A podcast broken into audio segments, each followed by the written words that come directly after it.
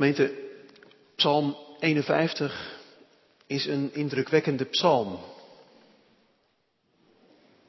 Psalm 51 is indrukwekkend in de, in de eerlijkheid waarin deze persoon zichzelf durft te bekijken.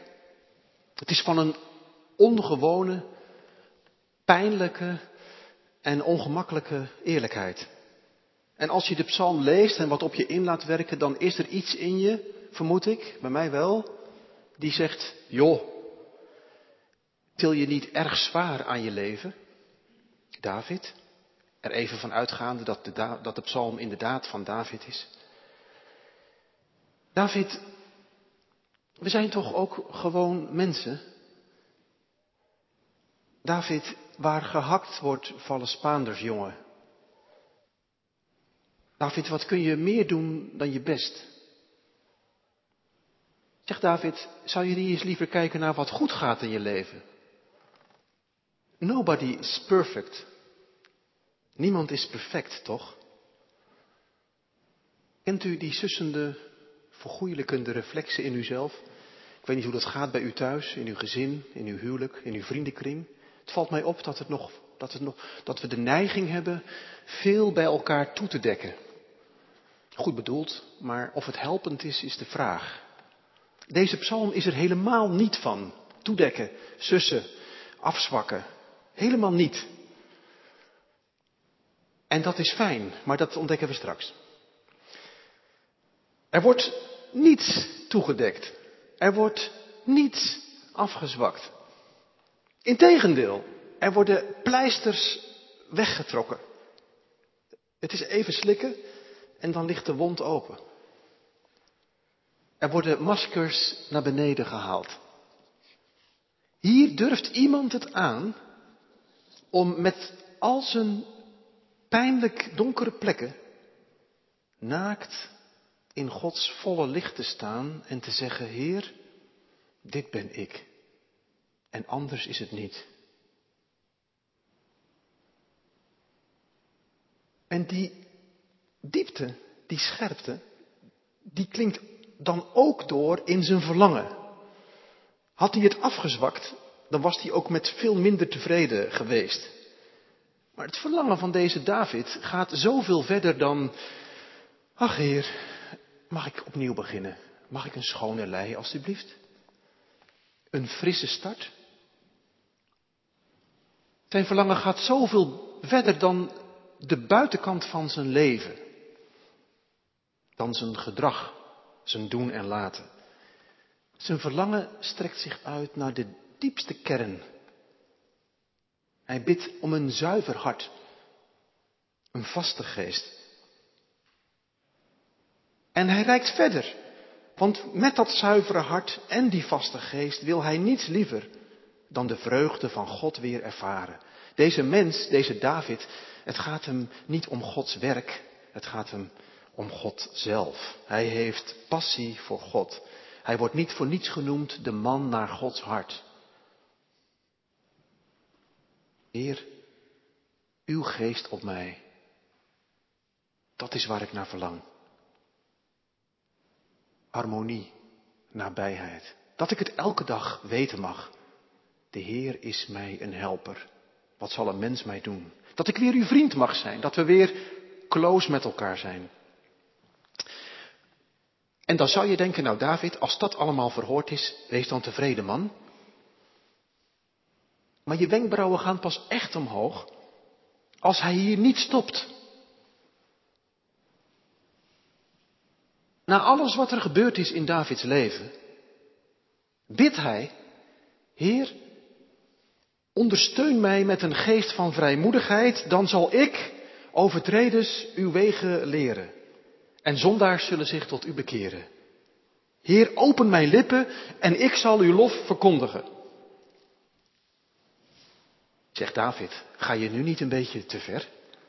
Ik bedoel, als je zulke brokken hebt gemaakt, zo'n scheve schaats hebt gereden, zoals jij deed met Batseba en Uria. Man, wees dan blij als je weer rust vindt voor je ziel. Als je weer in het reinen komt met jezelf, met God en de ander. Als er weer iets van vrede en vreugde in je leven voelbaar wordt. En je met een schoon geweten voor God kan staan. Meer zit er dan nog toch niet in. Wees dan blij. Meer moet je toch niet willen, David? Daarvoor is er toch te veel gebeurd.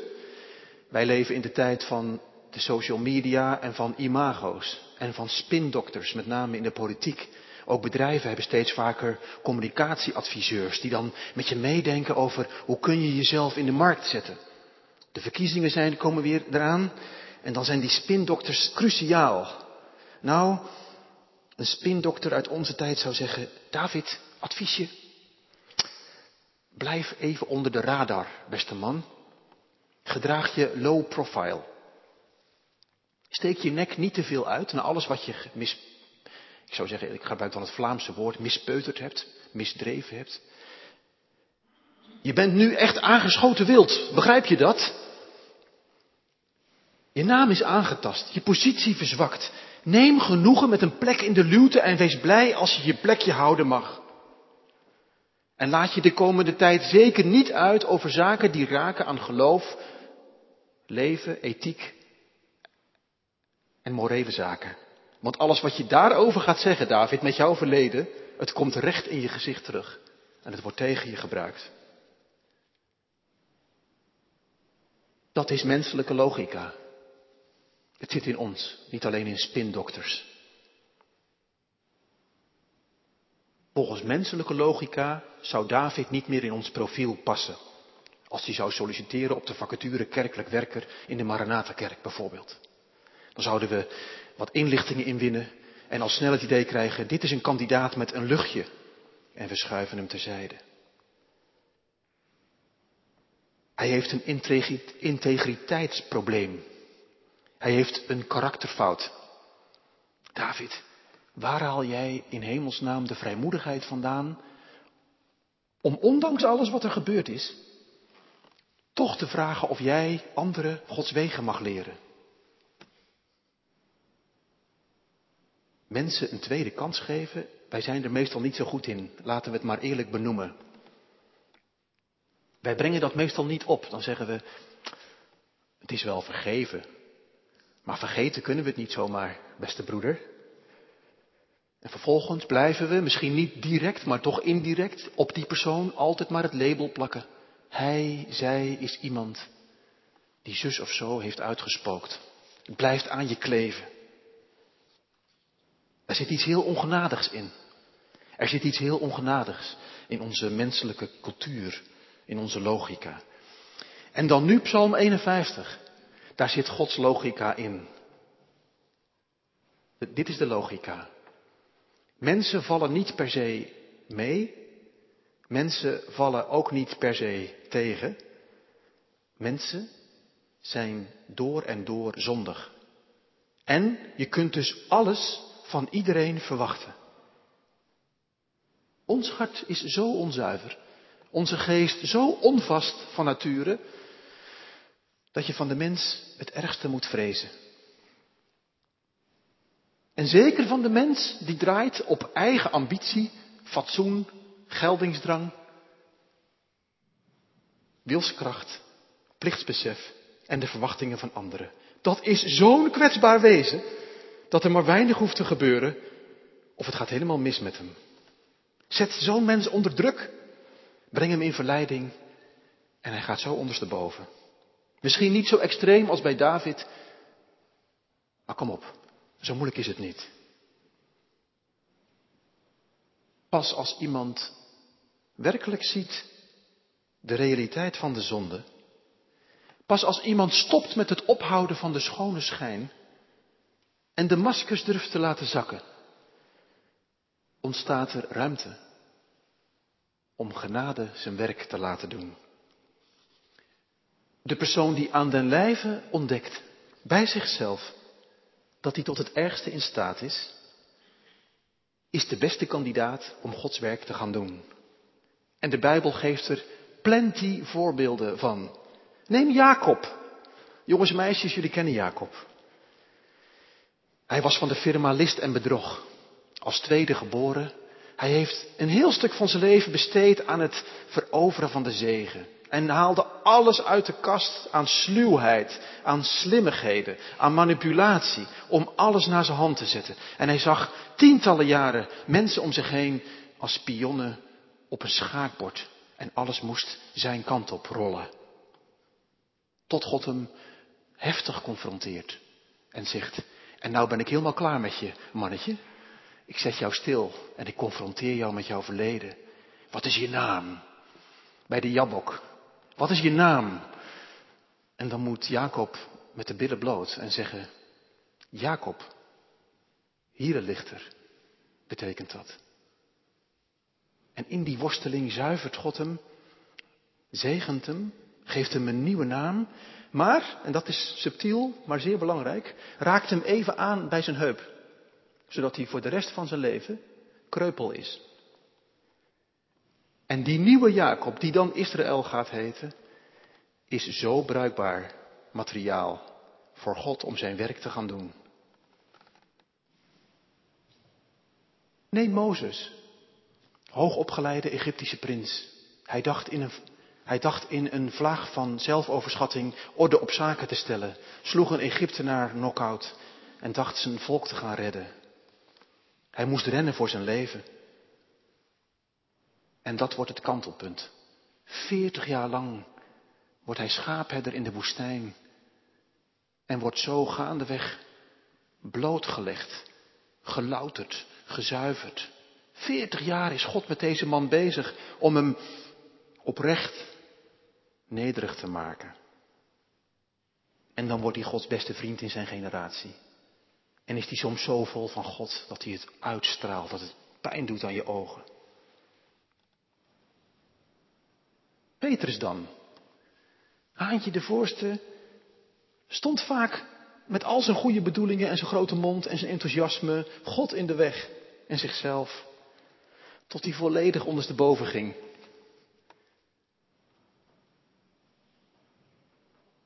En de Heer driemaal liet vallen. En die gevallen Petrus wordt vervolgens door God genadig in dienst genomen. Heb je me lief, Petrus? Wijd mijn schapen. Hou je van me, Petrus? Hoed mijn lammeren. Die Petrus, die gevallen is en opstond, dat is Gods materiaal. Daar heeft hij de kerk mee gebouwd. Nog een voorbeeld? Paulus. De meest fanatieke christenvervolger van zijn generatie. Hij heeft er tientallen de gevangenis ingesleept of erger. Tot God hem met een kleine aanraking van zijn paard laat vallen. En hem confronteert en zegt, Saul, Saul, wat vervolg je mij? Hij is stekenblind en als een hulpeloos schepseltje zit hij dagenlang in het donker. Tot God hem de hand op laat leggen, hem opricht en hem tot een zeer machtige eh, instrument maakt in zijn goddelijke hand.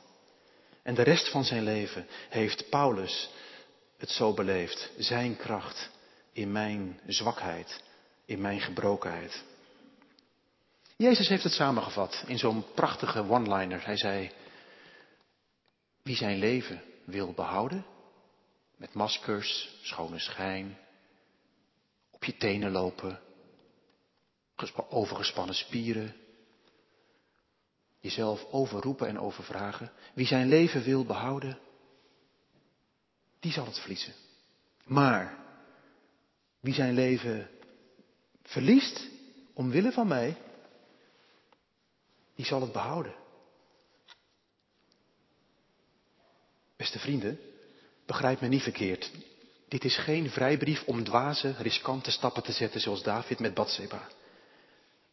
De arme man heeft er de rest van zijn leven een hele hoge prijs voor betaald. Hij zag bij zijn kinderen dezelfde fouten gebeuren die hij maakte. Veel gedoe met afgunst, begeerte, seksueel misbruik tussen zijn kinderen. Vreselijk.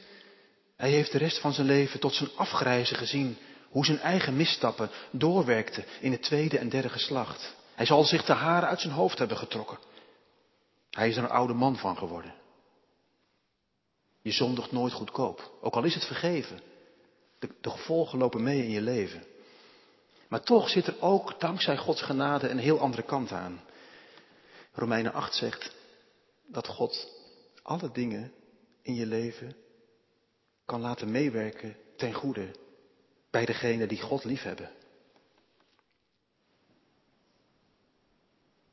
Het mooiste en het miserabelste in je leven kunnen in de hand van de pottenbakker gebruikt worden om van u, jou en mij de mens te maken die Hij wil dat we zullen zijn. Kunnen je helpen om je ogen te openen, de schellen van je ogen te laten vallen, om je scherper en scherper en eerlijker en eerlijker te laten zien wie je van, van jezelf bent en wie je mag worden in Hem en door Hem. En dat zien we zo mooi bij David. Uit deze affaire met Bathseba wordt Salomo geboren. Hij zal de tempel bouwen. Hij wordt een vredevorst. En uit zijn nageslacht wordt de Messias geboren. Door de affaire met Bathseba heen wordt dit lied geboren. Wat voor generaties gelovigen zo'n troostvol volle psalm is geworden. Voor mensen die met de brokstukken en de puinhoop van hun leven, op welk terrein dan ook, bij God kwamen en zich herinnerden een gebroken geest en een verbrijzeld hart zult u, o God, nooit verachten. Afgelopen vrijdag ben ik naar de bioscoop geweest en heb ik de film Silence gezien. Als u een beetje tegen een hevige film kunt, kan ik hem u aanraden. Silence is de verfilming van het boek Stilte van de Japanse schrijver Endo uit de jaren 60. Het boek is wereldliteratuur geworden. Het gaat over Jezuïetenpriesters die in de 17e eeuw in Japan zending bedrijven, maar zwaar worden verdrukt, gemarteld, vervolgd. Niet alleen zij, maar zeker ook de lokale Japanse christengelovigen. En de film volgt één zo'n priester die dat Japan, dat Japan, levensgevaarlijk intrekt, op zoek naar zijn leermeester, om te zien of het waar is dat hij zijn geloof heeft afgezworen. U moet weten, tientallen, honderden priesters hebben daar hun geloof afgezworen onder grote druk. Een van die priesters wordt gedwongen om zijn geloof in Jezus af te zweren door met zijn voet te trappen op een koperen plaat met daarop het gezicht van Christus. Door dat te doen redt hij het leven van heel veel Japanse gelovigen die worden gemarteld waar hij bij staat. En, en, de, en, de, vervolgers zeggen, als jij je geloof afzweert, red je het leven van je broers en zussen. Een duivels dilemma. En hij doet het. Hij legt zijn geloof af. Hij trapt met zijn voet op die plaat en raakt het gezicht van Christus op de koperen plaat, zoals velen voor hem al hadden gedaan. En precies dan is er in de film en ook in het boek de stem van Christus. Die begint te spreken. De hele film is een worsteling. Waarom zegt God niks in dit lijden? Dan verbreekt God het lijden en zegt tegen deze priester: Trap maar. Trap maar. Ik ben in de wereld gekomen om ook door jullie vertrapt te worden. Ook om door jullie vertrapt te worden. Ook deze pijn kan ik dragen. En na, wat dit, na dit punt zie je dat de priester zichzelf leert kennen als een zwakkeling. Voor die tijd was hij een echte zendeling uit die tijd. Met een geloof in Christus die koning is en de hele wereld zal veroveren met zijn evangelie. Van die Christus is weinig meer te vinden. Het geloof van die zendeling voor zijn afval had iets triomfantelijks, iets gearriveerds. En zijn oude, gespierde geloof raakte hij kwijt, maar er kwam een andere vorm van geloof voor terug. Met de leidende, gekruisigde Christus. Die hij sindsdien dieper, anders beminde. Niet als degene voor wie hij strijden moest, maar als de Heer die hem dragen zou en genadig zou zijn. Ik rond af. Mag ik je een vraag meegeven? Mag ik u een vraag meegeven vanuit Psalm 51? Het is ook een vraag aan mezelf.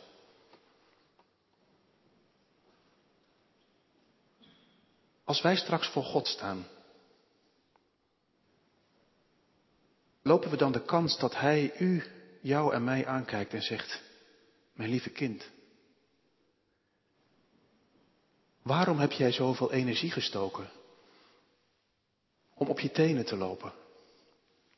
Waarom deed je zoveel moeite om je maskers hoog te houden? De schone schijn op te houden. Om het beeld in stand te houden wat anderen van je hebben. Als een goede gelovige die zichzelf en anderen niet wil tegenvallen. Wat had ik je graag daarvan willen bevrijden? Heb je Psalm 51 niet gelezen? Heb je niet begrepen dat je bij mij mag komen in alle eerlijkheid, hoe pijnlijk, gênant en beschamend het ook is? De vraag voor, voor u is deze. Zou u het aandurven om eerlijker, zuiverder te zijn voor God en dat bij elkaar te stimuleren in plaats van te sussen? Om zo dan ook echt rijker en dieper te gaan verkennen wat genade vermag in onze zwakheid. En zo dus minder op onze tenen te lopen, minder onszelf te bewijzen, minder de stand op te houden, maar werkelijk te omarmen wat Jezus al zei. En ons al een leven lang probeert duidelijk te maken. Zonder mij kun jij niets. Maar in mij draag je veel vrucht. Amen.